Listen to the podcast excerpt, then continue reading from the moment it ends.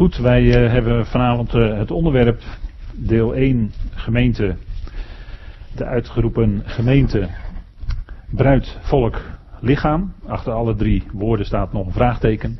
Maar gaandeweg de, deze twee avonden zullen we gaan kijken waar het uitroepteken komt te staan.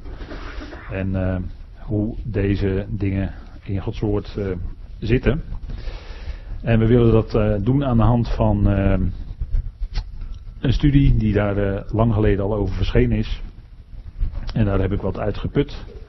Het is uh, behoorlijk omvangrijk, maar dan krijgt u ook een overzicht over wat de schrift over deze dingen zegt. Goed, uh, we gaan met elkaar beginnen en ik wil graag eerst met u bidden. Trouw vader, wij danken u dat we ook vanavond hier bij elkaar zijn en dit bijzondere onderwerp met elkaar mogen bespreken. Vader, dank u wel dat u deze avond ons wilt leiden, wijsheid wil geven. In het spreken, in het luisteren. En door dat alles heen de harteklop van uw liefde horen, Vader. Uw liefde voor uw volk. En uw liefde voor ons, de gemeente. En uw liefde voor de hele schepping.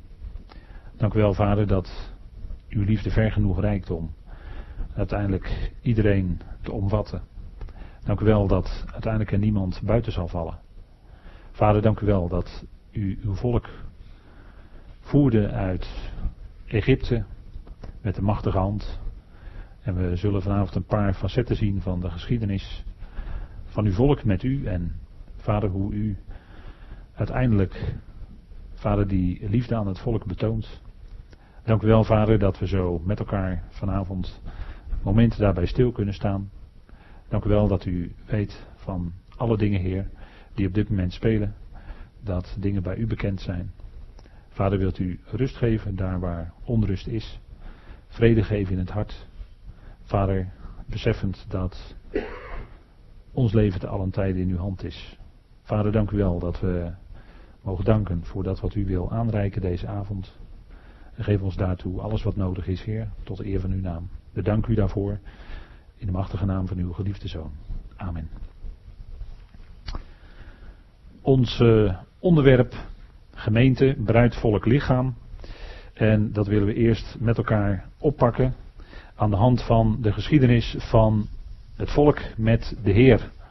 En de band tussen God en zijn volk wordt in de schrift genoemd onder het beeld van een huwelijk het, eh, de verbondsluiting, maar daar zullen we vanavond nog bij stilstaan. De verbondsluiting op Sinaï was in feite de aanzet tot het huwelijk, tot uh, een verbintenis van Yahweh en zijn volk. En zo wordt er ook steeds in de schrift over gesproken. En dat is eigenlijk de draad die we vanavond uh, vastpakken en willen vasthouden. En Voordat we dat eh, gaan oppakken, willen we toch even een aantal dingen noemen die toch denk ik goed zijn om te beseffen. Want hoe zat het nou met, hoe werd nou een huwelijk gesloten? Wat voor gewoontes, wat voor gebruiken waren daar in het oosten of in het Midden-Oosten? Gebruiken waar wij misschien niet altijd helemaal van op de hoogte zijn. En waardoor we ook, als we dat even onder de loep nemen, gaan zien uh, waarom de schrift op een gegeven moment bepaalde dingen noemt. Bepaalde uh, functies noemt, bepaalde dingen noemt zomaar ergens in een gelijkenis bijvoorbeeld. Dan weet u waar het vandaan komt. Het uh, verbond van JW met Israël was een huwelijk. Hè? Zo wordt er over gesproken in de schrift. En uh, dat is uh, eigenlijk van meet af aan is dat een gegeven. En met name in de profeten wordt daar op vanaf de verschillende facetten die dat in zich had, die gang die de Heer met zijn volk ging, uh, worden besproken. En als we kijken naar de gebruiken die er waren in het oosten of in het Midden-Oosten, dan zien we dat eigenlijk in vroege tijden, en boek Genesis bijvoorbeeld informeert ons daarover, dat een bruid werd gekozen door bloedverwanten of door een vriend. En ik heb op deze dia gezet bijvoorbeeld Genesis 24, dat is een bekende geschiedenis als Eliezer erop uitgaat en voor uh, Isaac een vrouw zoekt en dan Rebecca tegenkomt. En dat zien we dus niet alleen in die geschiedenis waar we nu niet verder op ingaan. Die acht ik dan even op dit moment bij u bekend. Maar het is even om aan te geven een gebruik. Hè? Dus uh, zoals wij dat nu kennen. Um, dat zoals we het hier in, in ons land en in het Westen kennen. Dat had je toen niet. Toen werd er veel meer bepaald voor. Hè? Nou, zo ook bij Eliezer. En als u een ander voorbeeld wilt hebben. Hagar koos een vrouw uit voor Ismaël. Kunt u ook terugvinden in Genesis. Dat is hetzelfde principe. Isaac bepaalde voor Jacob de keuze. Dat kunt u terugvinden in Genesis 28 bijvoorbeeld. En Juda koos een vrouw uit voor Er. Dat staat in Genesis 38. Dat is zo'n gebruik, hè? dus wordt uitgekozen voor. En dat is in Oosterse landen vandaag aan de dag nog steeds vind je dat gebruik terug. Dus dat is heel anders dan hier in het Westen gaat. Ook kon het zo zijn dat de bruid uh, gezocht werd of bepaald werd door de ouders of door de zoon zelf. En die zag dan misschien iemand, zoals Simpson in Richter 14. Die zag iemand en die droeg dan iemand als het ware voor bij zijn ouders ter goedkeuring.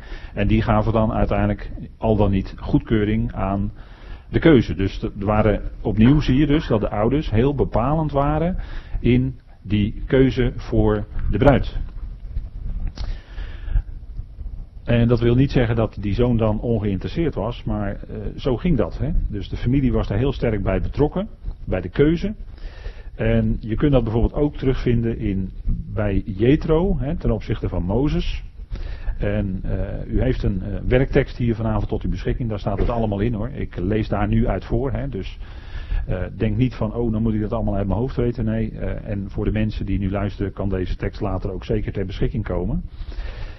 Um, we zien dat ook, datzelfde principe bij, bij Caleb voor Otniel, misschien wat minder bekend, maar dat komt voor in Jozua. En we zien dat principe ook bij Saul voor David. Hè. Dan koning Saul die geeft op een gegeven moment aan David zijn dochter Michal. Omdat David dan uh, ja, op een hele, daar zal natuurlijk uh, symboliek achter zitten, maar David doet iets. En uh, daarvoor in de plaats krijgt hij die dochter Michal dan van Saul, koning Saul. Nou, dat is ook zo'n voorbeeld. Hè? Um, en als dan de bruid gekozen werd, of de aanstaande bruid, was het tijd voor de verloving. En die werd juist heel sterk gevierd.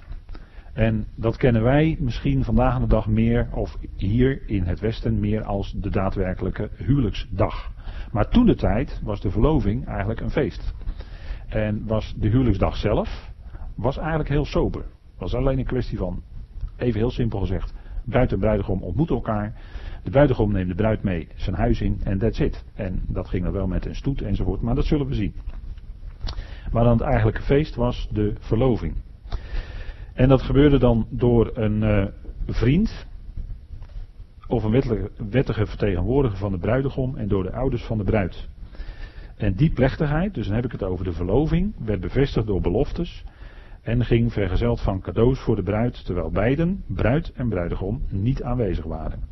Maar die verloving was dan al heel bepalend, was in feite al het sluiten van de band. En daarna kon eigenlijk bruid en bruidegom uh, eigenlijk niet meer van elkaar los. He, dan golden eigenlijk dezelfde voorwaarden als in het huwelijk, zeg maar. En dat vind je ook terug in de schrift. Direct na de verloving verloor de bruid alle rechten op het eigen bezit. Dat werd overgedragen aan de echtgenoot. Kort gezegd werden alle wettelijke verplichtingen die de bruid en de bruidegom hadden, overgenomen bij de verloving. En wij zouden dat dan als een huwelijkssluiting zien. Maar dat was volgens de schrift niet het geval. Ontrouw van de kant van de bruid bijvoorbeeld in de periode tussen de verloving en, zoals dat dan heet, het consumeren van het huwelijk, dat is dan een juridische term, die u nog kunt uh, terugvinden in uh, juridische. Uh, in de ik weet niet of het letterlijk zo in het burgerlijk wetboek staat, maar zo wordt het dan genoemd. Hè? De daadwerkelijke eenwording is dan het consumeren van het huwelijk, zo wordt dat genoemd. Nou, dat is. en daartussen gold in feite dus hetzelfde. Um, ook in de wet was het opgenomen, Deuteronomium bijvoorbeeld. als daar ontrouw was, werd het op dezelfde manier bestraft, om het zo maar te zeggen, als uh, na het consumeren van het huwelijk. Dus die verloving was al heel bepalend. Dat was al een heel karakteristiek moment. En dan dus de verloving. Dat was bruid verliest alle rechten aan de bruidegom. En de verloving was feestelijk. En daarop volgde dan later, en dat kon enkele dagen soms in beslag nemen, maar soms ook zelfs een jaar, maar liefst. En ontrouw had net zulke gevolgen als in het huwelijk. dat vinden we terug in Deuteronomium 22. Er staan daar voorschriften over. dat als daar ontrouw werd geconstateerd, dan moest er zelfs steniging plaatsvinden. Zo was dat in de wet. Dan op de huwelijksdag was er eigenlijk geen feest. Er werd geen godsdienstige ceremonie gehouden. Wij houden een dienst, dus bij ons is dat in onze cultuur, om het zo maar te zeggen, is dat dus anders ingericht. Dat wil niet zeggen dat het dan niet goed is of zo, daar gaat het helemaal niet over. Het was toen anders dan nu. En wij doen dat anders dan het destijds ging. Dus dan is er een godsdienstige ceremonie. En dat, die bestond uit het ophalen van de bruid uit het huis van haar vader naar dat van de bruidegom, naar het huis van de bruidegom. Daarop waren zij man en vrouw en werden zij tot één vlees. En dat is eigenlijk uh, van origine het tot stand komen van de eenheid tussen man en vrouw. Genesis 2, vers 24, hè, Paulus wordt aangehaald in uh, Efeze 5. En dat daarna van werd afgeweken van dat ideale, oorspronkelijke scheppingsgegeven. Dat wordt bijvoorbeeld in de wet geregeld. En in de wet worden ook dingen geregeld die dan ook te maken hadden met hoe het later met de Heer en zijn volk zou gaan.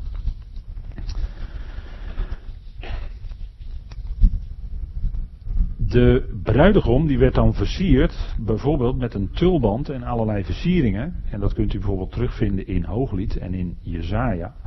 En misschien is het goed om heel even dan uh, Jezaja erbij te nemen, Jezaja 61.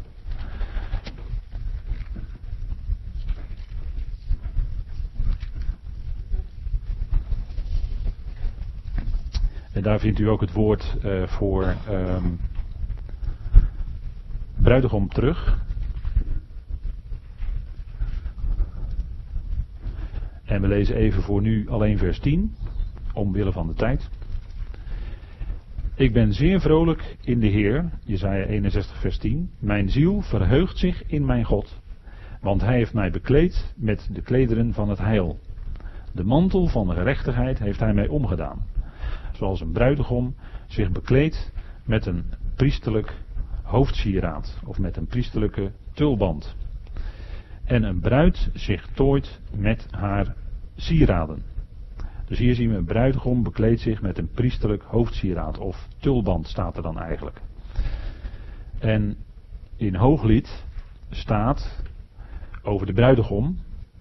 Wie is deze, u ziet dat hier op de dia, neerdalend uit de woestijn, als zuilen van rook in een wolk van wierook en mirre, van al het poeder van de handelaar. Kijk, Salomo's draagstoel, omringd door zes, zestig meesterlijke mannen, van de meesterlijke mannen van Israël. En dan zien we dus in de beschrijving van de stoet van de bruidegom. Die dan zijn bruid komt halen. Nou, en denk ook een bijzondere tekst uit Hooglied. Die lees je ook niet, misschien iedere dag. En de bruid die bereidde zich ook voor door s'avonds te baden en naast de gebruikelijke kleding droeg ze over alles heen een sluier over haar gezicht. En ze droeg dan een gordel op haar hoofd, een soort kroon. De bruidsmeisjes waren dan ook in het wit met gouddraad erin. dat zegt bijvoorbeeld Psalm 45. De bruid is geparfumeerd, getooid met juwelen. Helemaal uitgedost voor die grote dag van het huwelijk. En zo um, wordt het ook in de schrift uitvoerig beschreven.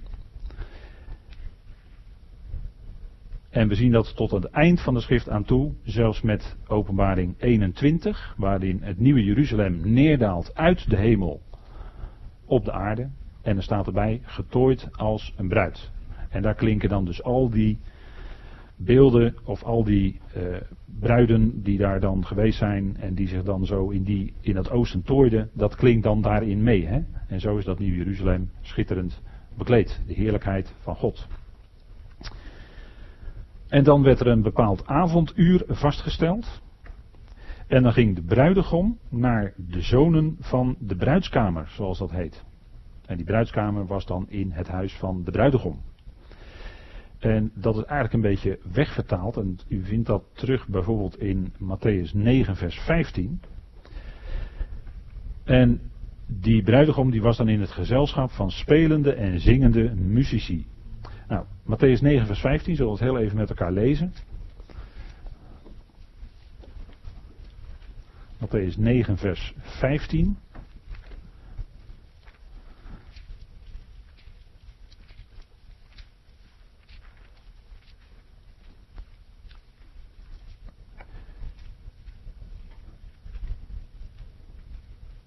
En daar zegt de Heer, en dan gaat het over het vasten.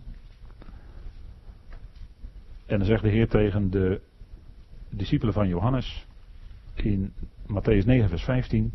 Jezus zei tegen hen: De bruiloftsgasten kunnen toch niet treuren zolang de bruidegom bij hen is. Maar de dagen zullen komen dat de bruidegom van hen weggenomen zal zijn. En dan zullen zij vasten. En die bruiloftsgasten hier, dat woord, dat is eigenlijk zonen van de bruidskamer. Zo werden zij genoemd.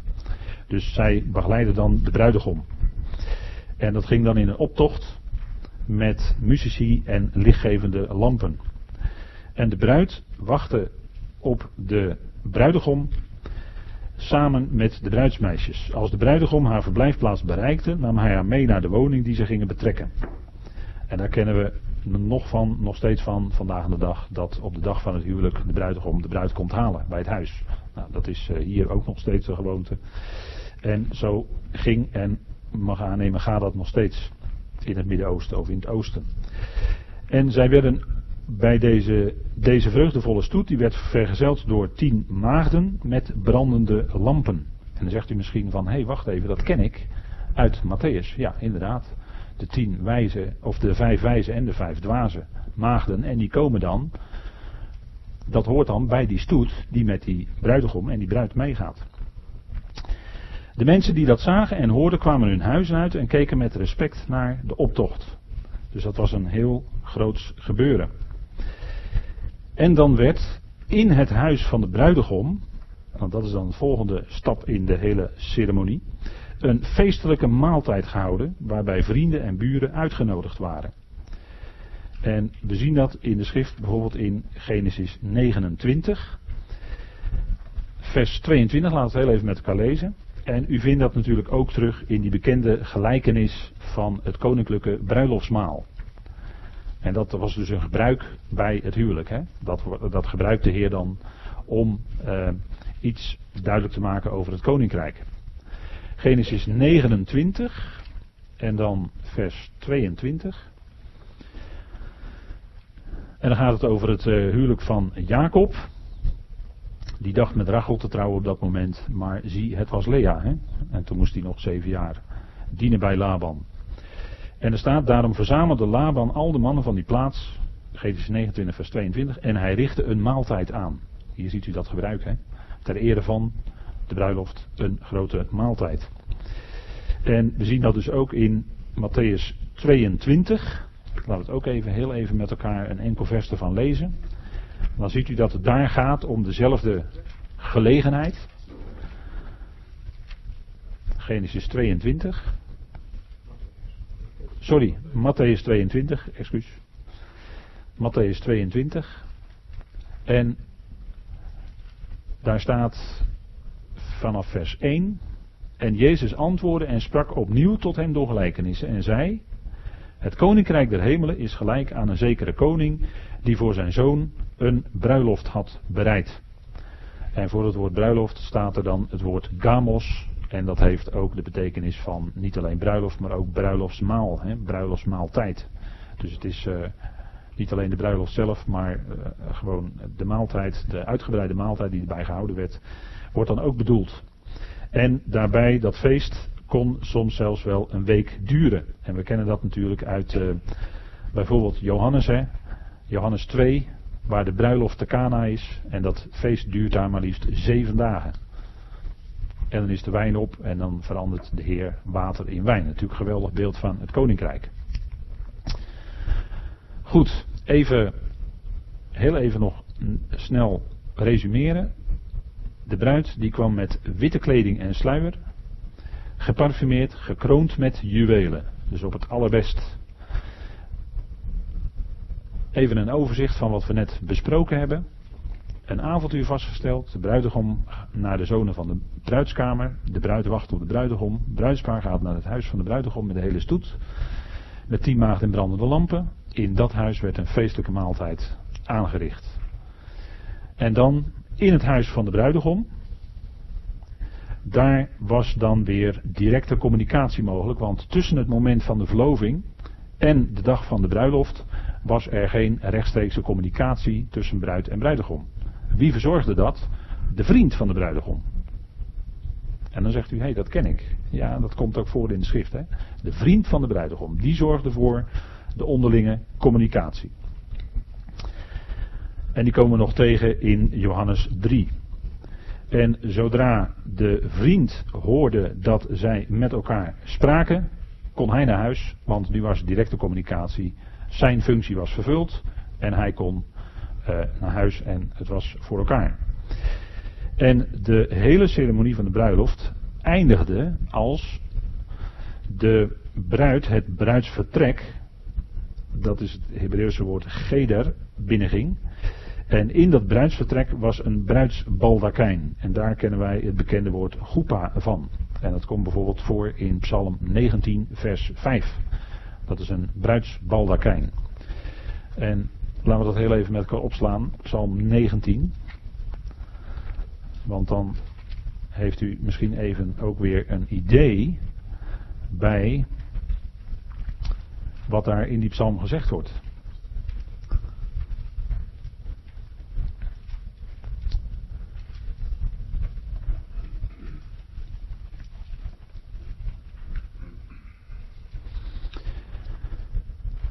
En daar wordt iets uh, geweldigs gezegd hè, over Gods schepping. En dan in uh, Matthäus 19, vers 5 zien we dan, wordt over de sterren, over de hemellichamen gesproken. Hun richtlijn gaat uit over de hele aarde. Hun boodschap tot het einde van de wereld. Hij heeft daar een tent opgezet voor de zon. En daar vinden voor dat woord tent vinden wij het woord goepa in het Hebreeuws. En dat is zo'n bruidsbaldakijn. Hè? En we vinden dat ook terug bijvoorbeeld in Jezaja en in Joel.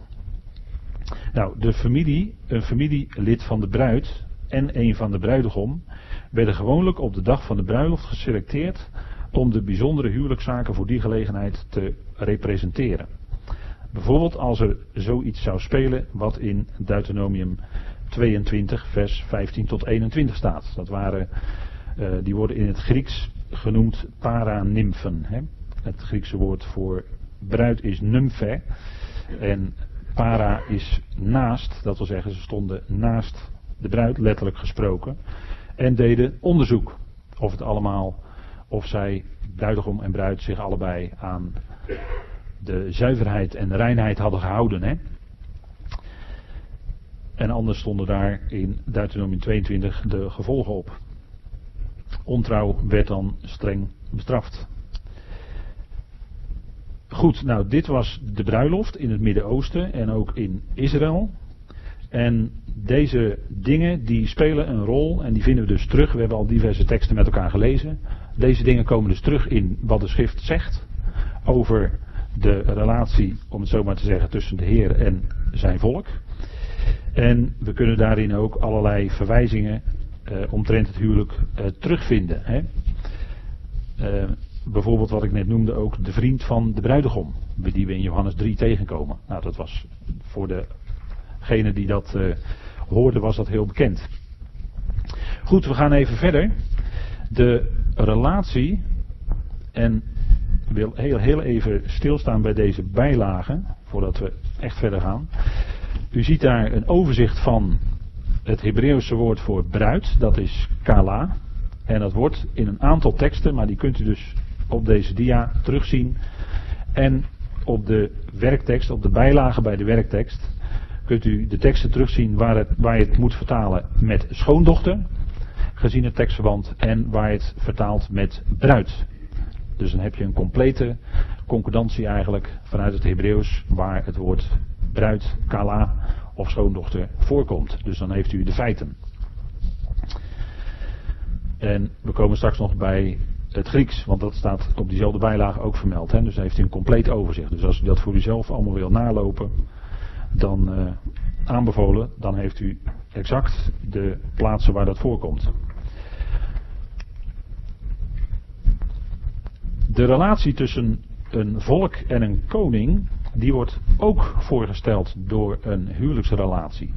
Dus dat is eigenlijk hetzelfde als de Heer met Israël. In het oosten werd de koning namelijk gezien, en dat weet ik niet, maar dat is misschien nog, nog steeds wel zo het geval, als de echtgenoot van zijn volk. En dan wordt de troonsbestijging gezien als de verloving of de huwelijksviering. Dus dat was dan een heel specifiek bepalend moment voor dat volk. Als die koning dan op de troon ging zitten, dan was dat in feite een huwelijkssluiting. In een beeld. Hè?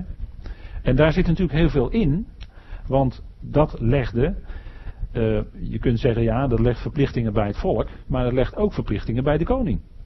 En vooral bij de koning. Om te zorgen voor zijn volk. En dat is eigenlijk uh, ja, nog steeds, volgens de schrijver van het artikel, in Oosterse landen het geval. En we zien dat dus in analogie bij de Heer en zijn eigen volk, hè, zijn eigen volk Israël.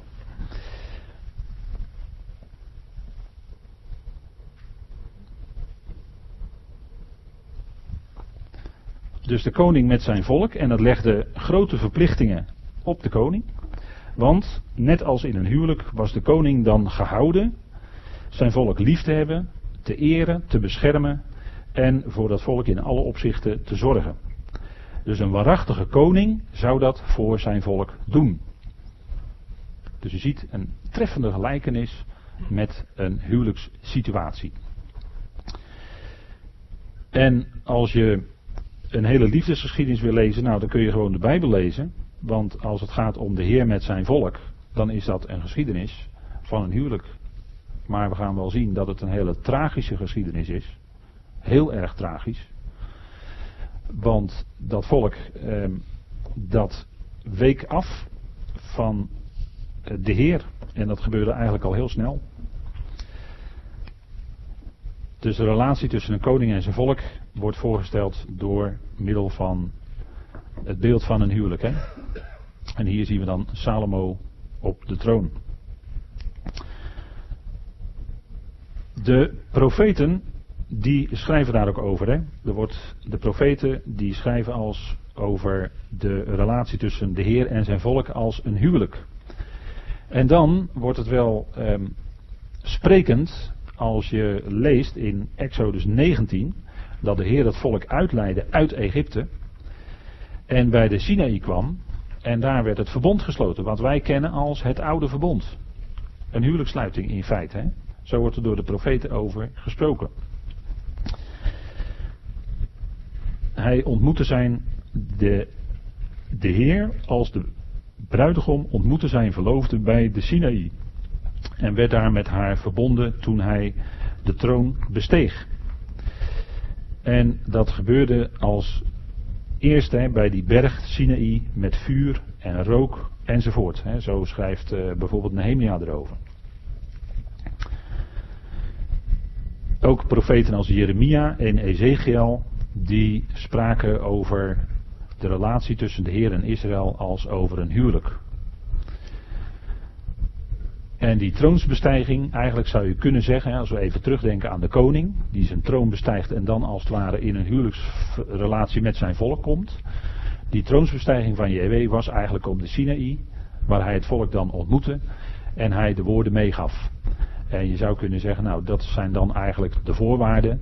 En het volk, die werd daarmee geconfronteerd door Mozes. En Mozes gold dan als de vriend van de bruidegom die stond, hè, die functioneerde tussen JW en dat volk en bracht de woorden wederzijds over.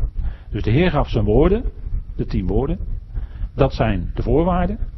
En Mozes bracht dan over aan de Heer dat het volk daarop ja had gezegd. Hè. Gaan jullie, eh, willen jullie dat doen? Hè? Hij hield hun die woorden voor. En dan zegt het volk als antwoord: Al wat de Heer gesproken heeft, zullen wij doen. Uh, misschien is dat goed om dat even met elkaar te lezen. In Exodus uh, 19. Exodus 19.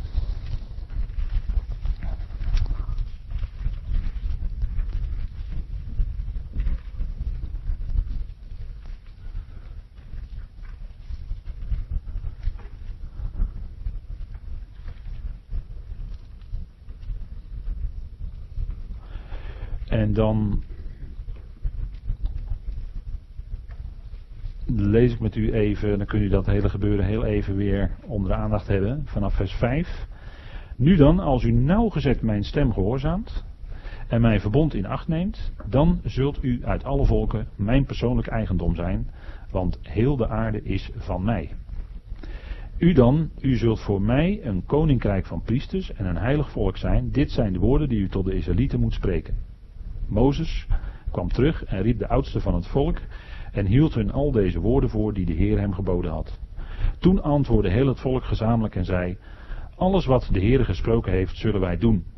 En Mozes bracht de woorden van het volk weer over aan de Heer. U ziet, Mozes fungeert hier als de vriend van de bruidegom. Hij brengt wederzijds de woorden over van JW naar het volk en andersom. En zo, werd, eh, zo kwam dat verbond tot stand. Het was dus een voorwaardelijk verbond. Dat hebben we laatst ook gezien met elkaar hè, bij de uh, avond dat we hier over, met elkaar over de verbonden hebben nagedacht. Dit was een voorwaardelijk verbond. Israël moest zich houden aan de voorwaarden. Zouden ze dat doen, dan zouden ze zijn eigendom zijn, hè, het eigendom van de Heer. En de Heer was daarmee tegelijkertijd hun Baal, moet u niet schrikken van het woord, maar Baal betekent Heer of bezitter eigenlijk vanuit het Hebreeuws. Dus hij was hun, op hetzelfde moment hun bezitter, hè, dat staat hier ook zijn eigendom. Dus hij was hun bezitter, hun Baal. En uh, dan wordt het natuurlijk nog duidelijker als het in het vervolg van de geschiedenis uh, zo gaat lopen. Het verbond werd dus geratificeerd. En bij die gebeurtenis, bij Sinai, werd het beschreven als een huwelijk. En dat vinden we terug in Jeremia 31, vers 32. En daar zegt Jeremia dan niet zoals het verbond, en dan komt die belofte van het nieuwe verbond, hè, dus eigenlijk van een, ja, een nieuwe huwelijkssluiting, toch? Dat is wat gebeurt, maar dat is nog toekomst. Niet zoals het verbond dat ik met hun vaderen gesloten heb op de dag dat ik hun hand vastgreep om hen uit het land Egypte te leiden. Mijn verbond dat zij verbroken hebben en ik regeerde over hen. Een bevestiging van JW. En meestal wordt er dan vertaald hier JW zegt dat of spreekt dat, maar het is eigenlijk, het woord wat staat is eigenlijk een bevestiging van JW. Hè? Dus dat heilige van het volk bij de Sinaï gold eigenlijk als de formele verloving, zou je kunnen zeggen. En hij zou hen dan meenemen naar het land, al waar dan zijn huis dus, al waar ze dus in dat huis, want dat land, Canaan, is eigenlijk zijn huis, hè, zo wordt het in de schrift gezien. En ze zou dan in dat huis zou tot een huwelijk komen. Dus je zou de Sinai, zou je kunnen zeggen, is een verloving. En dat was de ceremonie die ermee verbonden was. Mozes was dan de vriend van de bruidegom. En we zien hier dat hij dus daar functioneerde. En de berg Sinaï is de berg Sinaï in Arabië. En zo, uh, dat lezen we bij Paulus natuurlijk. En dat is natuurlijk anders dan wat lang gedacht is dat de berg Sinaï in de Negev-woestijn was. Maar de berg Sinaï is in Arabië. Dus dat, toen hadden ze al een hele reis afgelegd. Maar, en nu komt er een maar, want ja, je zegt dat is een mooi begin. Hè? Uh, verloving, romantiek, romantisch, prachtig verhaal. Uh, maar het gaat mis. Israël loopt een andere God achterna.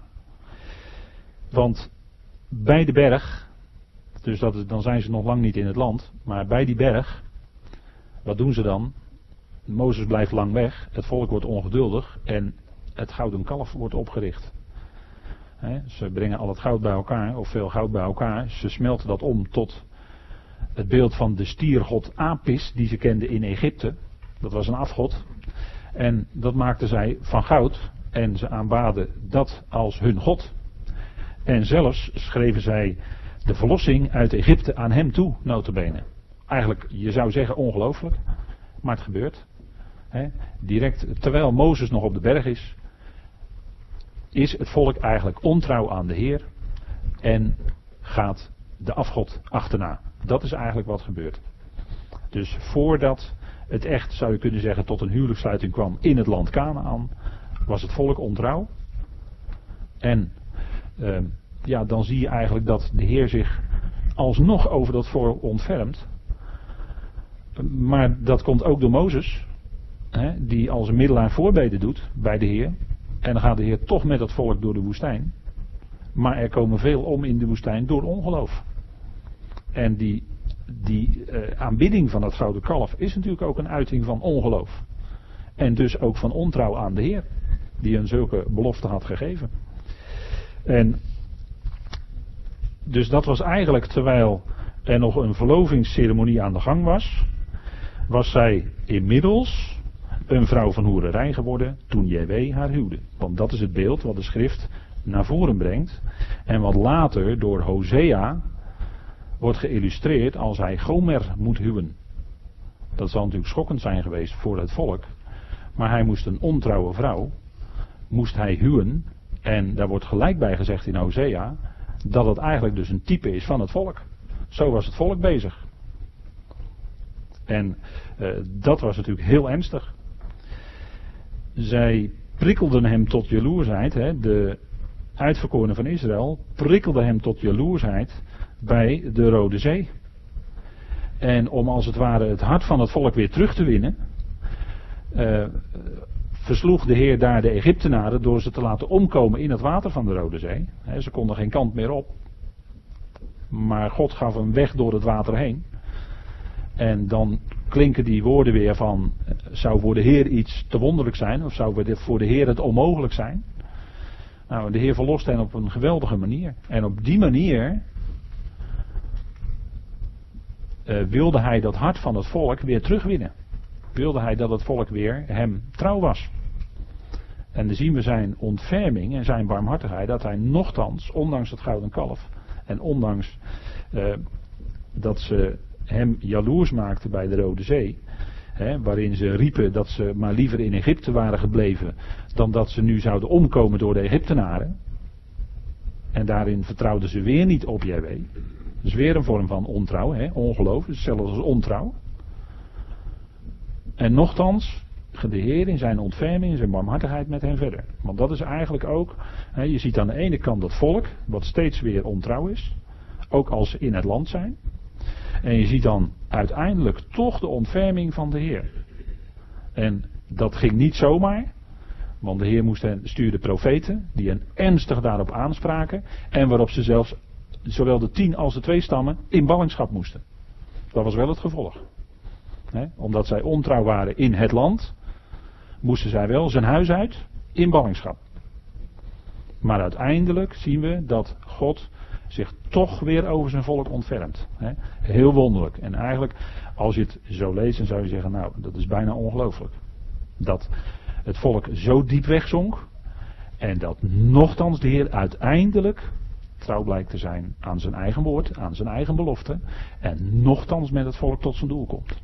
Maar het gaat wel door een hele diepe weg van verre afwijking waar ze vele malen ernstig op aangesproken worden in de profeten. En hij gaf dus een pad door de Rode Zee. En dan ehm, zingen ze hun lof. Hè. Exodus 15, dat is het lied. Hè, het geweldige lied wat ze dan zingen. En dat is eigenlijk hè, die, dat antwoord van het volk op de redding die Yahweh hun gegeven heeft. Hij ontvangt dan hun trouw en hun liefde weer terug. Hè. Ze zingen zijn lof. En dat is waar de Heer in de profeten ook op terugkijkt. Op die dagen. Dat zij, en dan was het misschien maar heel even in de tijd gerekend, dat zij zijn liefde beantwoorden, zijn lof zongen en hem de eer gaven. En daar, daar die, dat, dat gebeuren, dat koesterde de Heer eigenlijk door de loop van de jaren heen. En, en op grond, eh, mede op grond daarvan. En natuurlijk op grond van zijn belofte die hij al gegeven had. Gaat hij toch weer verder met het volk en komt hij met hen tot zijn doel. Hè? Nou, Jeremia, daar lezen we. Ik denk aan jou, aan de genegenheid van jouw jeugd, aan de liefde van jouw bruidsdagen. Toen jij achter mij aanging in de woestijn in een onbezaaid land. Hè, nou, hier spreekt die vreugde van de Heer in door over die tijd. Hè? Dat zij achter hem aangingen, bruidsdagen, vreugde, uh, het volk trok met hem mee. En uh, ja, dat, is, uh, dat was een geweldige tijd. En die kleine liefde, om het zo maar te zeggen, hè, heel even beantwoorden zij de liefde en de macht en de heerlijkheid van Yahweh. En die, die liefde, die wordt een grote en blijvende lofprijzing als de Heer grote wonderen doet. Hè. En uh, zij zullen dan, hè, Hosea spreekt, spreekt daarover in Hosea 2 bijvoorbeeld. Daar zal ze zingen als in de dagen van de jeugd, als op de dag dat zij wegtrok uit het land Egypte. In het land, en ook is dat natuurlijk in Hosea profetisch naar de toekomst. Als er weer die bruiloft is, waar de Heer ook over spreekt, dat bruiloftsmaal, de komende duizend jaar, daar zullen zij weer zingen. En dat zal weer zo zijn als toen. En eh, de profeet Ezekiel, en zo zien we dus dat die verbintenis, die geestelijke verbintenis tussen de Heer en het volk, een, dat huwelijk was een geestelijke verbintenis met Hem. En als je dan leest in de profeten hoe de Heer dan de ontrouw van het volk laat beschrijven, door die profeten, door de mond van die profeten, dan wordt daar gesproken in de termen van huwelijksontrouw, maar dat was het feit dat zij andere goden naliepen. Geestelijk dus. Geestelijk waren ze ontrouw. Ze liepen andere goden achterna. Ze aanbaden andere goden. En ze, zetten zelfs, ze aanbaden zelfs de afgoden in de tempel. Hè. Daar spreekt Ezekiel over. En die ontrouw, dat wordt dan door de profeten beschreven in termen van ontrouw in een huwelijk. En dat was het ook. Dat was het in, voor het volk. Hè. Dat deed het volk. En de Heer neemt hen dan mee, ondanks het gouden kalf, naar zijn huis, het land Canaan. Dat moet je steeds goed bedenken. Ondanks dat gouden kalf, ondanks hun ontrouw bij de Rode Zee, gaat de Heer nogthans met ze verder en leidt ze uit en neemt ze mee door de woestijn naar het land. Ook al duurt het 38 jaar, maar ze komen er wel. dat is de trouw van de Heer. He, ja, des te scherper. He.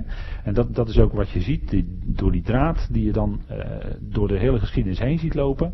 Ondanks de ontrouw van het volk is de Heer trouw. Het lag niet aan de Heer, het lag aan het volk. De Heer was trouw, maar het volk was ontrouw. En, en dat is ook precies wat Paulus zegt in Romeinen 3. Zal hun ontrouw de trouw van God er niet doen? Nou, dat zij verre. Want God blijft trouw. En dat is wat, eh, hè, dat is wat Paulus daar zegt. Hè. En dan kijkt hij natuurlijk, Paulus, die kent natuurlijk zijn tenacht tot en met. En dan weet hij wat er allemaal gebeurd is. En hoe de Heer daarover geschreven heeft en gezegd heeft door de profeten. Dus het is steeds die, die uh, trouw van de Heer hè, die je dan terugziet. En als Israël dan in het land komt, dan komt er eigenlijk niet echt een nationale. Er waren wel gelovigen onder het volk, maar het gaat natuurlijk om het hele volk. En als je kijkt naar het hele volk, dan kwam er niet echt een nationale, echte verbintenis met JW tot stand. En vandaar dat Israël ook in de profeten wordt genoemd afkerigheid. Zij keerden zich af van JW. En zij keerden zich naar de afgoden toe. En er was dus geen sprake van een echt huwelijk tussen het volk en hun echtgenoot koning. Echtgenoten met een hoofdletter, de Heer. En in Ezekiel, hoofdstuk 16, waarin zeer ernstig over het gedrag van Israël wordt gesproken. En waarin precies de vinger bij de zonde wordt gelegd. Daar, en Ezekiel 23 ook, want die, dat zijn hoofdstukken, nou dat is, uh, dat is allemaal uh, aan de ene kant helemaal niet prettig om te lezen, maar je ziet wel dat de Heer glashelder en zeer duidelijk zijn vinger legt bij de zonden van het volk. Absoluut. Nou, in Ezekiel 16 vers 13 zien we dat hij terugkijkt op die dagen, die eerste dagen, zo werd je getooid met goud en zilver, hè, ook in het land. Jouw kleding was van fijn linnen en zijde, voorzien van een kleurrijk borduurwerk, meelbloem, honing en olie at jij. Jij werd buitengewoon mooi en werd geschikt voor het koningschap. Dus de Heer tooide Israël in het land Een prachtig land met de dienst aan de tabernakel, tempel, met veel goud, met veel heerlijkheid. En dat was in feite het tooien van het volk tot hun koningschap, waar ze eigenlijk voor bedoeld waren. En wat zien we dan? Dat in de profeten uitgebreid hun gedrag van afgoderij wordt aangesproken. Het volk kwam tot verdere ontwikkeling in het land, maar wat gebeurde er? Zij pleegden overspel met de Egyptenaren, zo spreekt Ezekiel erover. En met de Assyriërs, want zij verbonden zich ook met die volkeren en dus ook met die afgoden van die volkeren. Dat is zoals Ezekiel erover spreekt.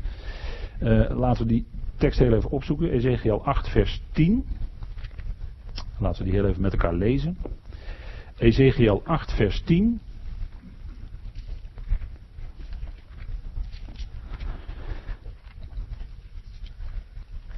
En dat is wat, u, wat we ook uh, beseffen hè, als we het profeten lezen. Dat op momenten dat Israël dus een verbintenis aangaat met die andere heidense volkeren. Zij ook verbintenis aangaan met die afgoden van die volkeren. En dat het wordt dus gezien als ontrouw in het huwelijk. Hè? Als overspel, als hoererij. Zo wordt het beschreven door de profeten.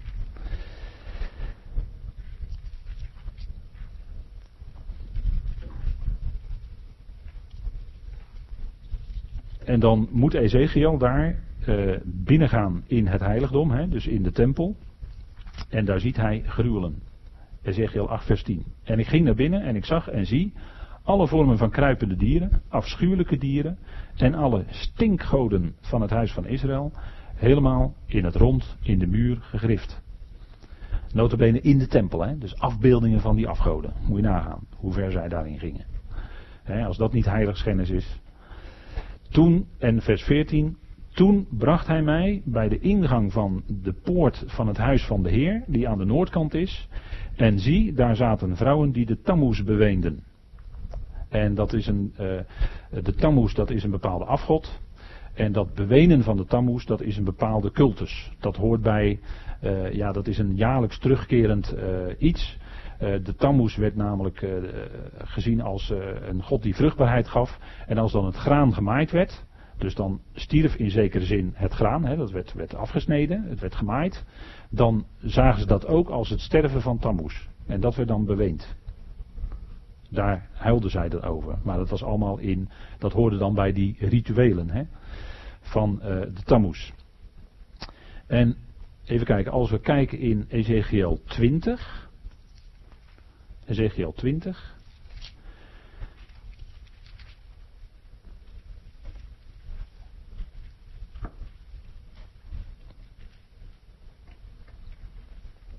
Vers 7. Daarop zei ik tegen hen laat ieder de afschuwelijke afgoden, hè, of de gruwelen, waar hij tegen opkijkt, wegwerpen.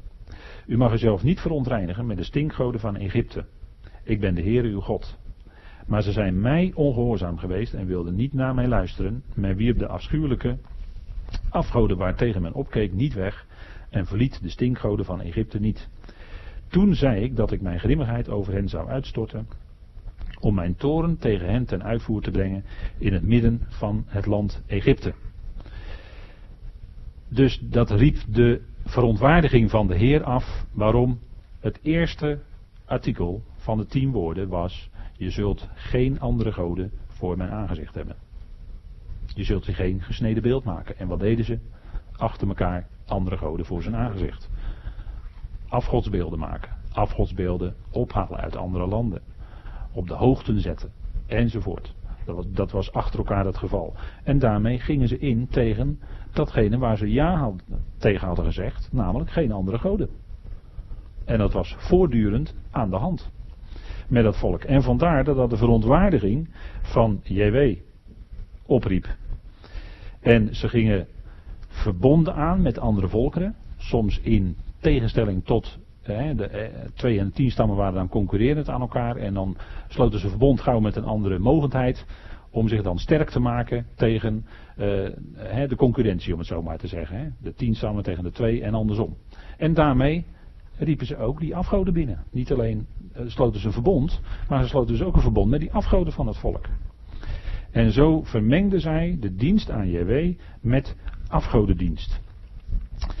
En dat is wat we dan lezen in diverse schriftplaatsen, dat ze weggevoerd werden uh, door de Egyptenaren.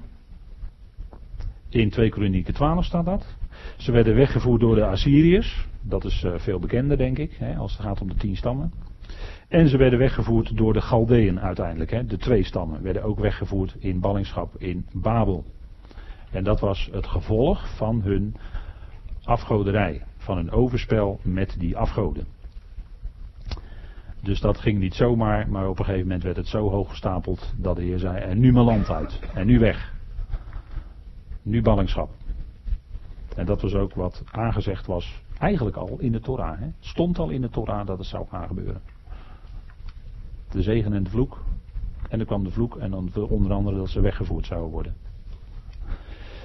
Hosea, dat hebben we net al heel even gezien, maar die moest Gomer trouwen. En dat was een ontrouwe vrouw. En dat was een beeld van het volk en JW. Laten we het even met elkaar lezen. Hosea 1. Toch wel een hele, hele bijzondere, merkwaardige opdracht die de profeet dan krijgt. Maar het moet natuurlijk iets uitbeelden. En dan lezen we in Hosea 1 vers 2 het begin van het spreken van de Heer door Hosea. En de Heer zei tegen Hosea, ga, neem voor u een vrouw van hoererijen en kinderen van hoererijen, want het land wendt zich in schandelijke hoererij van de Heer af. Hun afgoderij. Dat was de reden waarom Hosea Gomer moest huwen. Niet alleen, niet alleen uh, het volk, niet alleen de vaders, maar ook de kinderen. Die namen dat over. En dat wordt dus ook gezien als dat het land verontreinigd wordt. Dus het volk gaat de afgoden binnen, maar het land, het huis van JW, wordt verontreinigd daarmee. En dat was de reden waarom op een gegeven moment het schoongeveegd moest worden. Eruit. En dat is steeds als Israël ontrouw was, als ze afgoderij pleegden, dan op den duur, dan moesten ze het land uit en dat herhaalt zich. Dan wordt Jeruzalem verwoest, en dat herhaalt zich. En dat zal zich ook in de nabije toekomst gaan herhalen. Als zij een verbintenis aangaan, een verbintenis aangaan, van degene die meester is van een verbond met velen, en dat is eigenlijk het toppunt. Na alles wat al geweest is, maar dat is eigenlijk het toppunt. Dat ze verbintenis aangaan met de wettelozen en daarmee in feite met de tegenstander zelf. Zo ver gaat het dan en dan zal, na, dan zal ook grote verdrukking komen. En dan zal aan het eind van die 70ste jaarweek Jeruzalem ook verwoest worden. Zoals in Zacharia 14 staat. Dus de geschiedenis herhaalt zich. Nou, je ziet dat steeds diezelfde geestelijke principes, die gelden steeds. Hè? En er komt steeds hetzelfde tot stand in dat land.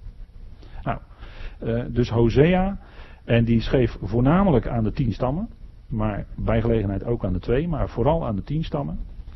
En daarin werd ook het gericht aangezegd. Nou, die namen van de kinderen, die waren ook heel veel betekenend. Hosea en Gomer kregen kinderen. De eerste heette Jezreel, dat betekent God zal verstrooien of zaaien.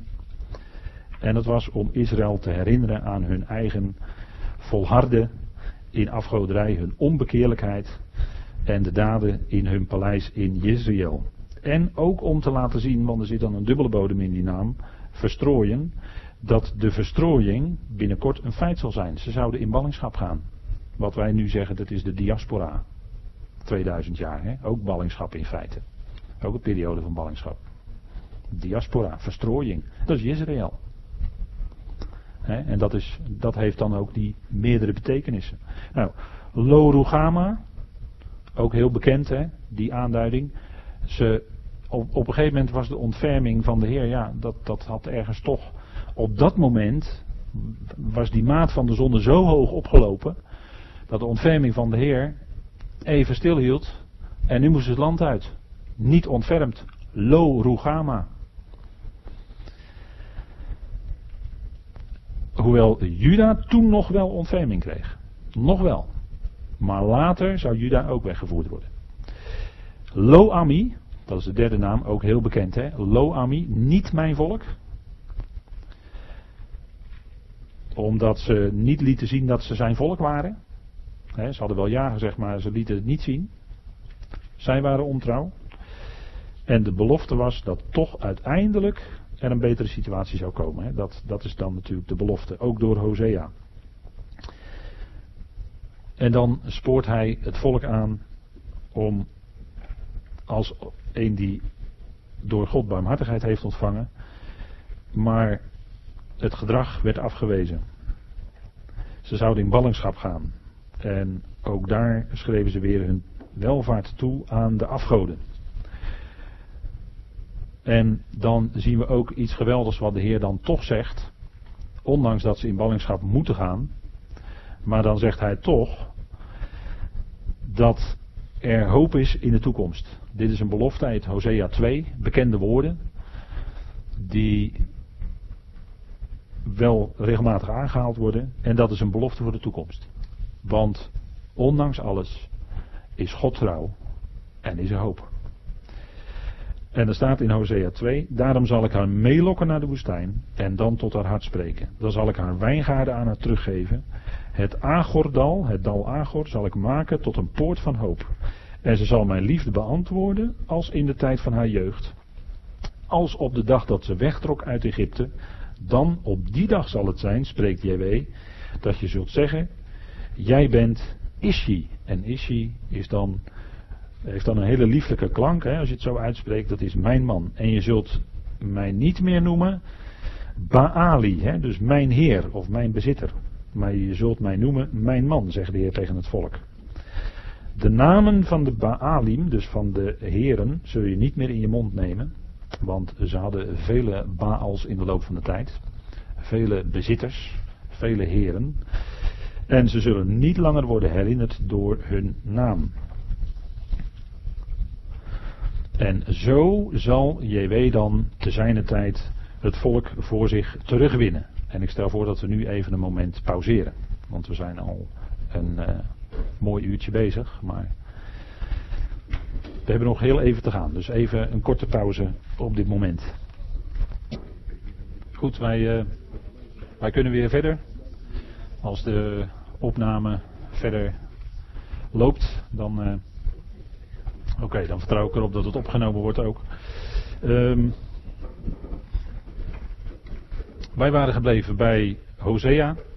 En ik wil daar toch nog heel even in verder gaan voordat we bij de twee stammen komen. Hosea voornamelijk voor de tien stammen. En de toekomstmuziek wil ik toch even met u laten klinken. Um, want het heeft natuurlijk te maken met de duizend jaar en ook de periode daarna. Hè. De gelijkenissen gaan vaak over het koninkrijk der hemelen. En dan wordt ook een bruiloftsmaal als voorbeeld gesteld. Dus ik wil graag met u lezen dan Hosea 2 vers 20 en 21. En dan zal het wat anders klinken dan in uw NBG-vertaling. Uh, maar ik denk dat het wel goed is om even die scherpte van die tekst dan naar u toe te krijgen.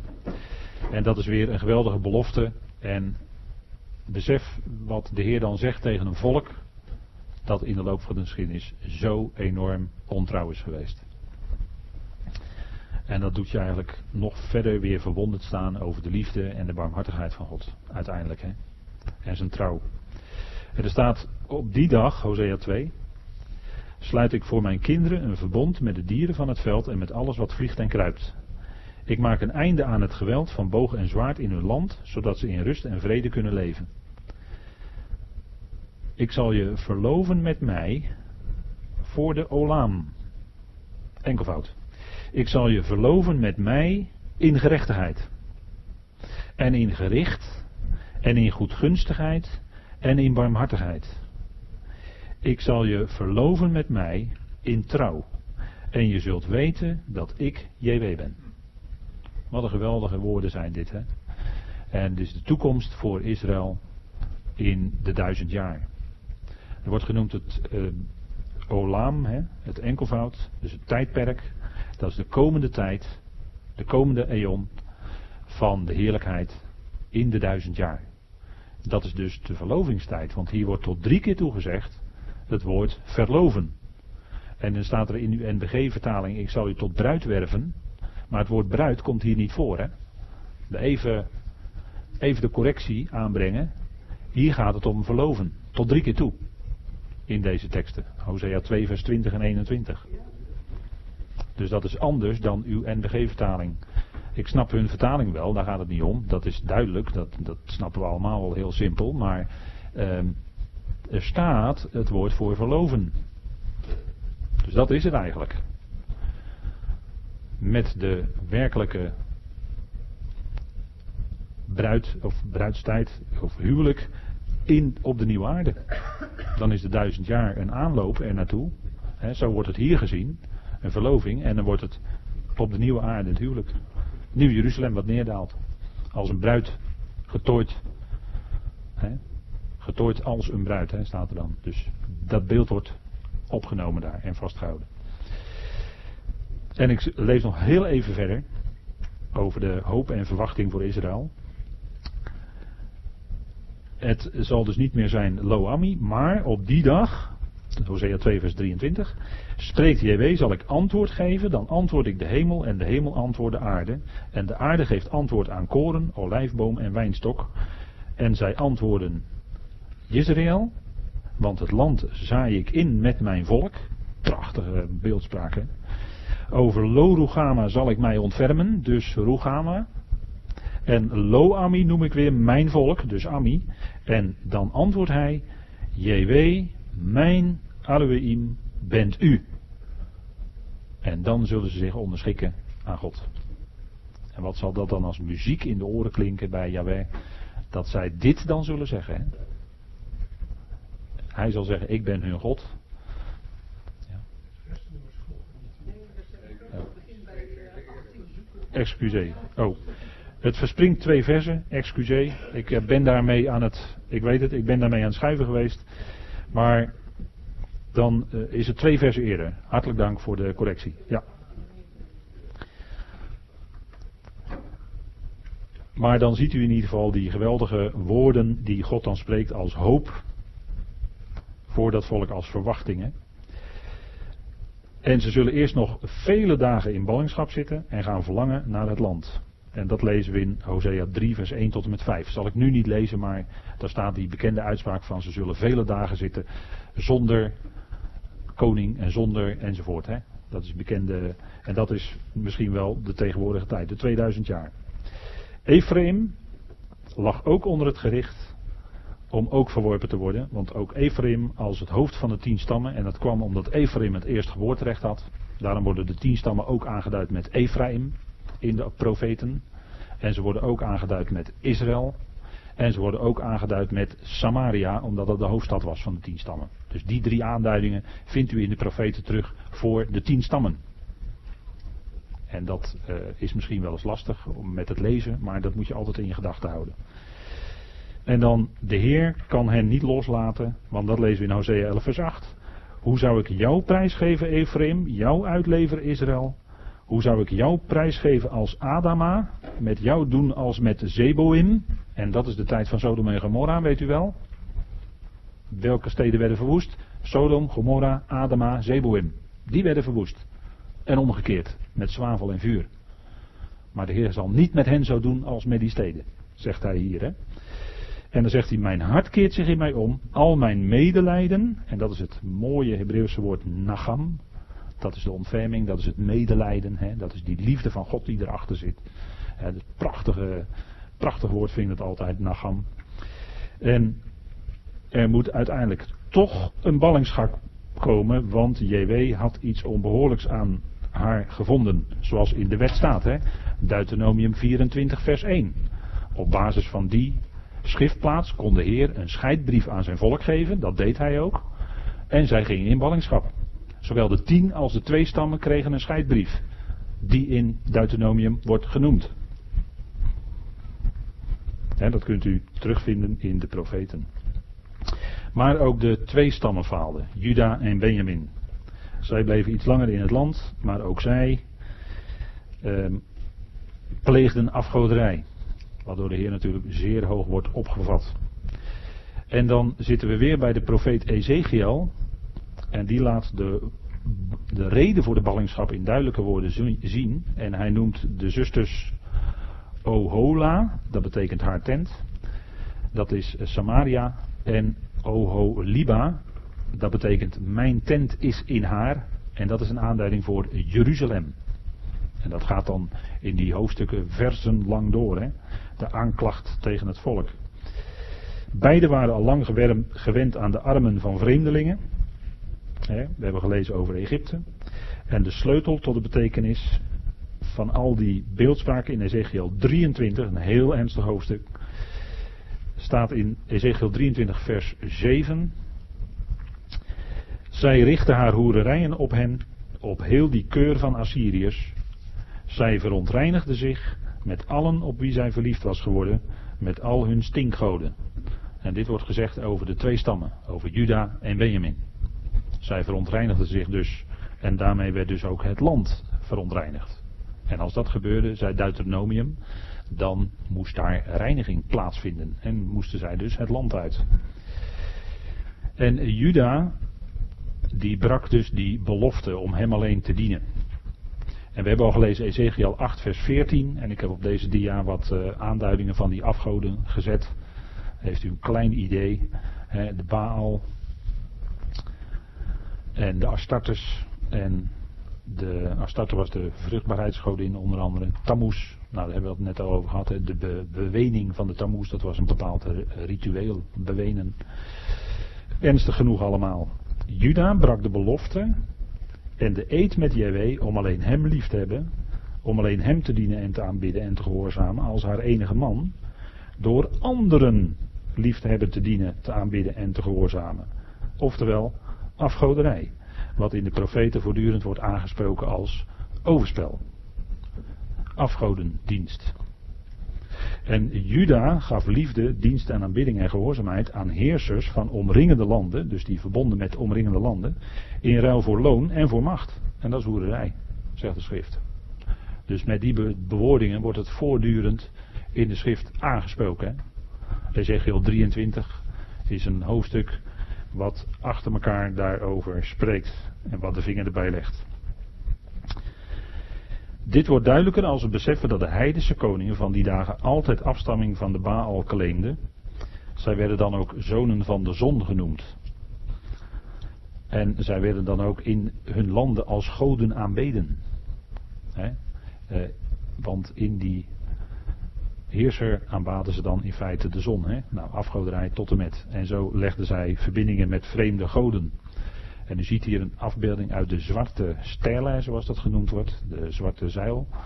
En dat is dan koning Jehu, die buigt voor de koning van Assyrië. Dit is een detail uit die zeil. De zwarte zeil wordt hier genoemd, of de zwarte stijlen. Uh, dus dat was afgoderij, want ze, buigen, ze bogen neer voor die koning, die dus uh, in feite in het eigen land als een afgod werd vereerd. Dus pleegde hij zelf ook afgoderij. Dat wordt gewoon in één verlengde gezien hè, door de Heer uiteraard.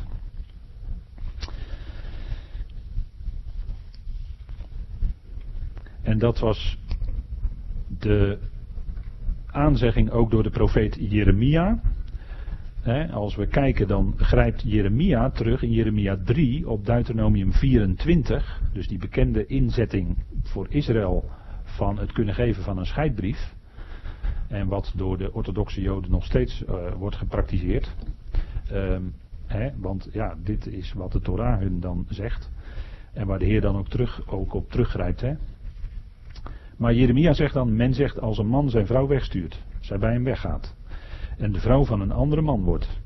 Mag hij nog naar haar terugkeren? Zou dat land niet ten zeerste ontheiligd worden? Jij echter, jij hebt hoererij bedreven met veel vrienden. En keer terug naar mij een bevestiging van JW. Dus tegen die achtergrond van Deuteronomie 24 klinkt dit toch weer heel bijzonder. Hè? Ondanks die ernstige zonden waar ze mee bezig waren, zei de Heer eigenlijk direct erachteraan, keer terug tot mij. Dat is eigenlijk wat je dan weer wonderlijk, hè? wat je dan weer niet zou verwachten, dat hij dan direct zegt van keer terug naar mij. Dat ze zouden stoppen met dat zondige gedrag. En dat ze zouden terugkeren naar de Heer. Dat is wat uh, toch wat heel bijzonder hier klinkt. Hè? Dat, dat, bijzonder hoe de profeten dan toch spreken. En na die ballingschap, want ze moesten in ballingschap gaan. Na de verootmoedigende ballingschap in Babylon geloofde slechts een klein aantal voldoende om terug te keren. We vinden dat terug in Ezra 2, vers 64. En dat is dan een groep van, als ik het goed heb overgenomen, 42.360 mensen die terugkeren. Dat waren dan de trouwen, de gelovigen zeg maar, de, degenen die terug wilden. Met ruim 7000 slaven en slavinnen en 200 zangers en zangeressen keerden zij terug. Na 70 jaar ballingschap in Babylon. Dat is wat. 70 jaar het land uit, maar het moest. Het was allemaal ernstig genoeg. En wat was nu de dreiging? Wat, wat, uh, wat was nu wat hen bedreigde? Want eigenlijk lees je na die Babylonische ballingschap niet meer dat zij op die manier als daarvoor afgoderij bedreven. Maar wat was nu de, wat hen bedreigde? Dat was religie. Religie. Zij wilden in Babel terugkeren tot de Heer. En zij wilden de Torah gaan doen. Maar dat konden zij niet natuurlijk volledig, omdat zij niet in het land waren. Ze konden pas echt de Torah doen in het land. Daar konden ze alle voorschriften vervullen. Van de tempel- en tabernakeldienst. Maar dat kon daar niet. En gaandeweg werd dus in die Babylonische ballingschap, met dat verlangen naar de terugkeer naar het land, met dat verlangen om de Torah te willen doen, ontwikkelde zich het Judaïsme. Religie. En dat is eigenlijk wat, hè, vandaar dat er ook gesproken wordt over de Babylonische Talmud. je hebt ook de, de Jeruzalem Talmud, maar ook de Babylonische Talmud. En dat is eigenlijk de oorsprong. Dat zijn al die tradities tussen, eh, met die wijzen, met de rabbijnen, die dan met elkaar spraken over de Torah, hoe ze dat dan in de praktijk moesten brengen. Maar dat is helemaal, als het ware, doorgezet in het Judaïsme. En werden tot tradities naast de schrift. En we weten wat de Heer daar bij gelegenheid heel ernstig van zegt. dat ze met die tradities hier en daar het woord van God krachteloos hadden gemaakt. Dat had dus te maken met, die met dat ontwikkelde judaïsme. Vandaar dat je ook in Johannes leest bijvoorbeeld over dat het Pesach was, het feest van de Joden. Het wordt niet feest van, van JW genoemd, maar het feest van de Joden. Daarmee maakt Johannes een aantekening dat het gevierd werd op een wijze Waar we misschien kon afvragen of dat helemaal wel zuiver naar de Torah was. Het werd wel gevierd, maar was het nog zuiver. Vandaar feest van de Joden. Te maken met het Judaïsme. Even, even voor uw begrip. Dus hun dreiging was religie. Ze keerden zich niet meer tot de afgoden, want ze erkenden alleen JW als hun God. Er is maar één God, en zo is het ook. Maar nu was de bedreiging religie. En uh, daar komen allerlei zaken natuurlijk vandaan. Ze erkenden alleen nog JW, maar vandaar Johannes 4 zegt ook dat de Vader, zegt de Heer dan, hè, de Vader zoekt aanbidders die hem aanbidden in geest en in waarheid. En dat zei de Heer tegen zijn volk. In geest en in waarheid. Dus los van alle religie, zuiver, waar hem aanbidden. Echt. Dat is wat de Heer zegt. En religie, als het een systeem wordt van aanbidding, hè, dan dat systematische, dat verplichtende, dat is eigenlijk, zo zegt de schrijver van dit artikel, de meest onverbiddelijke vijand van geestelijk leven geweest. Hè, religie, religiositeit, religie spoort niet met geestelijk leven. Hè, dat, dat, is, dat is de killer, zou je kunnen zeggen, van geestelijk leven. Want het gaat om het hart. Het gaat om aanbidden in geest en in waarheid. Zonder voorschriften. Zonder uh, al die dingen erbij. Want het leidt alleen maar af. En we zien dat de mens altijd weer geneigd is om uh, religieuze dingen of dingen erbij dat belangrijker te gaan vinden. En daarom was de boodschap die Paulus bracht, hè, de genade door de Zoon van God, voor de Joden een aanstoot. Want het ging alleen om Christus en niet langer om hun religie. Dus hij was voor hen een aanstoot een rots van ergernis. De Heer wordt natuurlijk ook vaak de rots genoemd in de schrift. En voor de Grieken, die bezig waren met filosofie, de waarheid. De boodschap van het kruis, het woord van het kruis. Voor de Joden een aanstoot, want het maakt een einde aan hun religie. En voor de Grieken dwaasheid, want het spoort niet met hun filosofie. Iemand die zo in zwakheid gekruisigd wordt. Dat, dat druist in tegen alle filosofie van mensen natuurlijk. Nou. Maar door de terugkeer, ze keerden terug uit Babylonische ballingschap en daar ontstonden diverse secten. En daar, ja, dat, daar gaat uh, het uh, artikel waar ik het gedaan heb ook heel uitgebreid op in, maar dat voert veel te ver. Maar er stonden diverse secten. Hè. Denk bijvoorbeeld aan de Herodianen, de Sadduceeën, de Fariseeën. Dat waren allemaal groepjes binnen dat Jodendom. En de een die legde meer de nadruk daarop en de ander meer de nadruk daarop. En dat is allemaal zo in die tijd vanuit uh, na de terugkeer in het land en de tijd dat uh, de Heer kwam, dat Johannes kwam, is dat ontwikkeld. Maar de belofte, hè, er waren enkelingen die geloofden, maar er waren nog velen met een hard hart. Er is een oproep tot terugkeer, allemaal in Malachi. En de bruid, en daar zijn we bij de bruid, want dat gelovige Israël, dat is door de geschiedenis heen eigenlijk de bruid, moest uitzien naar de vriend van de bruidegom. Want wat zegt Malachi? Zie, ik zend jullie Elia de profeet. En die zou dan fungeren als de vriend van de bruidegom. Hij zou de voorloper zijn van de Messias, degene die zou komen. En hij zou dan de vriend zijn. Waarbij Israël dan de bruid is. En waarbij dan de Heer de bruidegom is. Zo gaat het verder. Gaan we naar het Nieuwe Testament of de Griekse schrift. En daar zien we dat dat woord bruid, dat is nymfe in het Grieks. Uh, daar heeft u dan een aantal teksten, maar die heeft u ook in uw bijlagen, dus die kunt u zelf nazoeken. En dan ziet u eigenlijk dat het woord bruid in de zin van schoondochter een paar keer voorkomt. En als bruid één keer in Johannes 3 vers 29, dat is een bekende tekst. Hè? En dan voor de rest een aantal teksten in openbaring.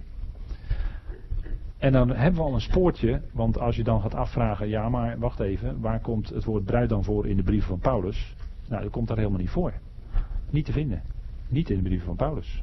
Dus dat zou al voor ons al een uh, extra lampje gaat, uh, gaat er dan branden.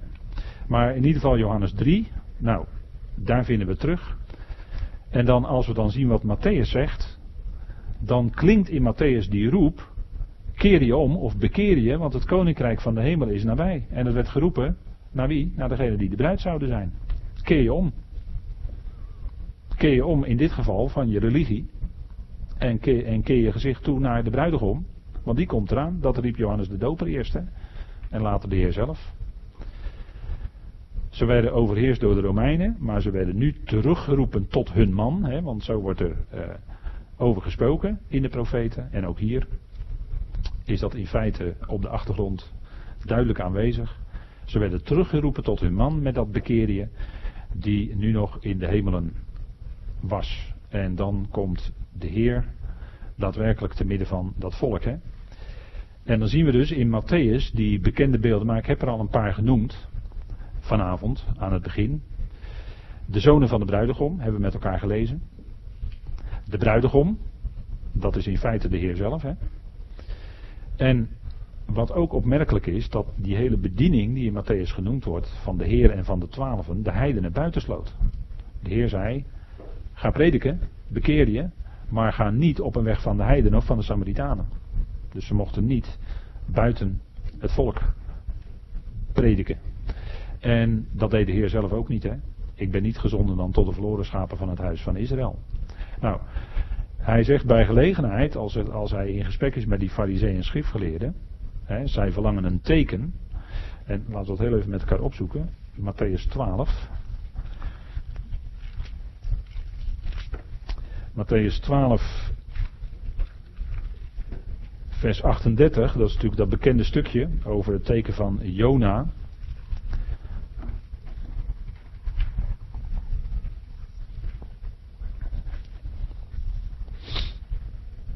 En er staat in vers 38, toen antwoordden sommige van de schriftgeleerden en fariseeën, meester wij zouden van u een teken willen zien.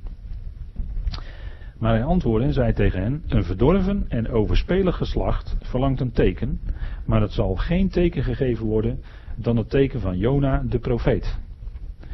Want zoals Jona drie dagen en drie nachten in de buik van de grote vis was, zo zal de zoon des mensen drie dagen en drie nachten in het hart van de aarde zijn. Nou, even tot zover. Dus hij zegt tegen die schriftgeleerde fariseeën, die een teken verlangden, Een verdorven en overspelig geslacht verlangt een teken. Zij hadden zich bij gelegenheid ook verkocht aan de Romeinen. Zij, om het zo maar te zeggen, zij uh, gingen met de Romeinen gelijk op, hè, die fariseeën en schriftgeleerden. Die hadden op een akkoordje gegooid. Nou, vandaar dat de Heer dat zo tegen hen zegt. En dat volk ging gedeeltelijk daarin mee. En die verlangden een teken. En zeggen, nou, jullie krijgen dit teken, het teken van Jona de profeet. Wat niet alleen hem als de zoon des mensen zou overkomen, maar ook het volk. Want ook het volk zelf zou twee dagen lang in de zee zijn, ondergaan in de Volkerenzee. En zal op de derde dag, zo zegt Hosea ook, daar weer uitkomen. Dus die zoon des mensen, dat is eigenlijk een dubbelbeeld. Het is niet alleen de Heer zelf, maar het is ook het volk. Dit teken zal ook aan het volk zou gaan geschieden. En zo is ook gebeurd, hè, want ze zijn nu al bijna twee dagen, 2000 jaar, ondergegaan in die Volkerenzee. Dat is het teken van Jona. Dus het teken van Jona God niet alleen voor de Heer, maar ook voor het volk zelf. Dus dat is een dubbelbeeld, hè. En dat zou aan hen voltrokken worden. En zien dat hun hart dus toch niet bij de Heer is. En zo wordt het ook op diverse teksten genoemd. Hè? Matthäus 16 bijvoorbeeld en Marcus 8 wordt hetzelfde ook genoemd. Het draait daarom Israël, want dat is even de draad die we vasthouden. Het draait hier voortdurend om Israël, ook in Matthäus. We zijn dus nog helemaal niet andere volkeren of wat dan ook tegengekomen. Laat staan de gemeente. Gemeente het lichaam van Christus. Hebben we nog helemaal niet over gehad hè, tot nu toe. We hebben alleen maar gehad over Israël. Als het gaat om de bruid en de vrouw van JW enzovoort. En al die beelden die daarbij gebruikt worden. Dus we zien dat de schrift van, vanaf Genesis tot en met Matthäus al alleen spreekt over Israël als de eventuele bruid. We lezen dus nergens dat het anders is. En dat is wat dit dit, dit, deze uh, aandachtsmomenten die we dan hebben, dat het duidelijk maakt. En dan is dus uh, de gemeente die bijvoorbeeld in Matthäus 16 vers 18 genoemd wordt, op deze gemeente, op deze beleidenis, deze Petra zal ik mijn gemeente bouwen, die bekende uitspraak. Nou die gemeente daar, die Ecclesia, is Israël, is de bruid. Er is geen enkele reden om te veronderstellen dat het anders is. Of je moet er iets in gaan lezen, maar dat staat er dan niet echt. Dat wordt niet bedoeld hè, dan door de tekst. Maar dan lees je misschien jouw vooronderstelling erin. Dat kan, maar dan ben je aan het verleggen. Maar als je rechte lijn volgt, dan is het een en al Israël wat de klok slaat. En dat geldt ook voor die sleutels van het koninkrijk, bekering en doop. Dat gold voor Israël. De Heer hanteerde die. Petrus hanteerde die op de Pinksterdag. En als we lezen over de koninklijke bruiloft, Matthäus 22, dan zien we dat dat gaat ook om Israël. Dat is een gelijkenis op zich, dus die kunnen we nu niet bespreken. Maar die gelovige rest die er was, dat was de bruid. Gelovige Israël, een rest, dat is de bruid. Zijn ze in ongeloof, dan zijn ze niet de bruid, hè? want dat is, dan zijn ze niet in die uh, hoedanigheid. En de wijze en de dwaze maagden, nou dat hebben we ook gezien. Dat zijn niet, dat, hè, want dat wordt natuurlijk dan ook wel eens verondersteld. Hè, dat dat dan die bruid is. Maar dat zijn degenen die die stoet begeleiden. Met die lampen. Dat, dat is nog de bruid, nog de bruidegom, maar de stoet. Die ze vergezelt. En dat zijn eigenlijk, als je het helemaal gaat toespitsen, zijn dat volkeren. In de tijd van het koninkrijk. Dat is eigenlijk de, de point hè, die daarin zit. Want het gaat daar om een gelijkenis bij het aanbreken van het koninkrijk, Matthäus 25. die bruidegom, ja, die gaat dan komen, dat is de Heer. De bruid is totaal, die wordt niet eens genoemd in Matthäus 25. Maar alleen maar de gasten, die hem begeleiden. En dat zijn volkeren. Nou, Marcus en Lucas. In Marcus wordt eigenlijk niets gezegd over de bruid. Dus daar, daar, die beschrijft hem, de Heer, als de leidende dienaar de dienstknecht van JW. Dus daar vinden we niets over de bruid. Stappen we verder naar Lucas, dan zien we dat Lucas de Heer beschrijft als de zoon van Adam, de zoon des mensen. En dan zien we hem als rechthebber op de troon, als de zoon van Adam, is hij rechtens de rechthebber op de troon over de hele aarde. Als de laatste Adam. En samen met Israël wil hij dat doen en wil hij hun hart winnen, bijvoorbeeld in Lucas 12, vers 22 tot 31. daar roept hij hen, verzamelt je geen schatten hier op aarde, uh, maak je geen zorgen, want de Heer zal uh, zorgen, enzovoort. Dat stukje uit Lucas 12, dat bekende stukje. En dan wil hij ook bekering en vrucht zien. En dan komt dat zo andere antwoord. Hè. Laten we heel even kijken in Lucas 13. Lucas 13.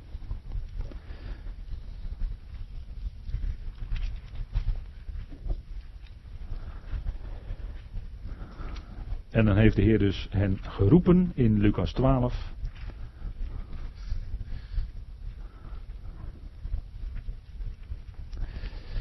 Maar dan vergelijkt hij het volk in feite met de vijgenboom.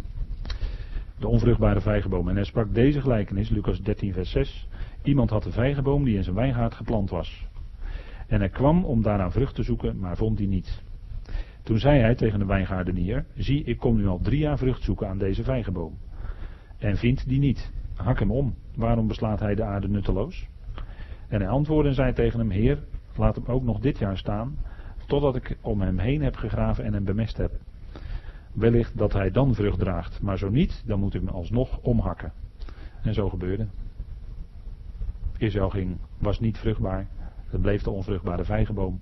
De staat, de nationale staat Israël, de vijgenboom is daar een beeld van, droeg geen vrucht. Ze aanvaarden hem niet en zij gingen in ballingschap. Jeruzalem werd verwoest in het jaar 70 en het was ballingschap.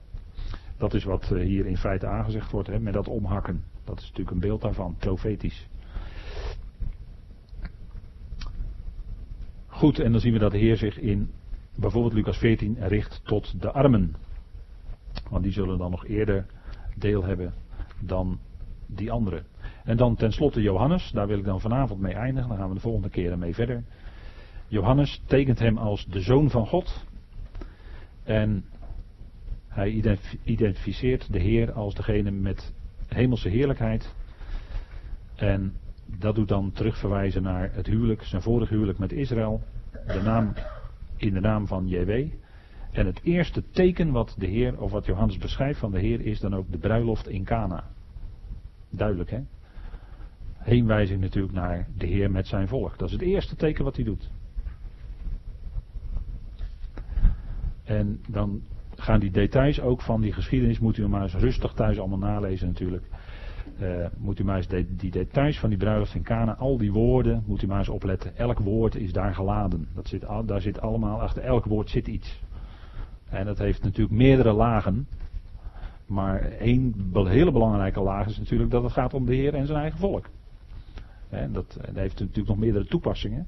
Maar de Heer met zijn volk, daar gaat het in feite om. En dat wijst op het komende koninkrijk. En zo schrijft Johannes erover. Hè. En dan die tekst uit Johannes 3, die bekende tekst. De bruidegom heeft de bruid. De vriend van de bruidegom staat te luisteren. Dus dat is bij gelegenheid Johannes zelf. En is blij dat hij de stem van de bruidegom hoort. Dat vervult mij met grote vreugde. De bruidegom, de stem van de bruidegom, is de stem van de Heer, die Johannes hoorde. De bruid is Israël, dus de gelovigen uit dat volk.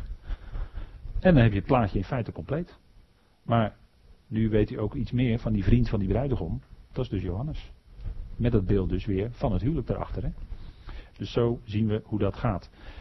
Het gelovige overblijfsel was de bruid.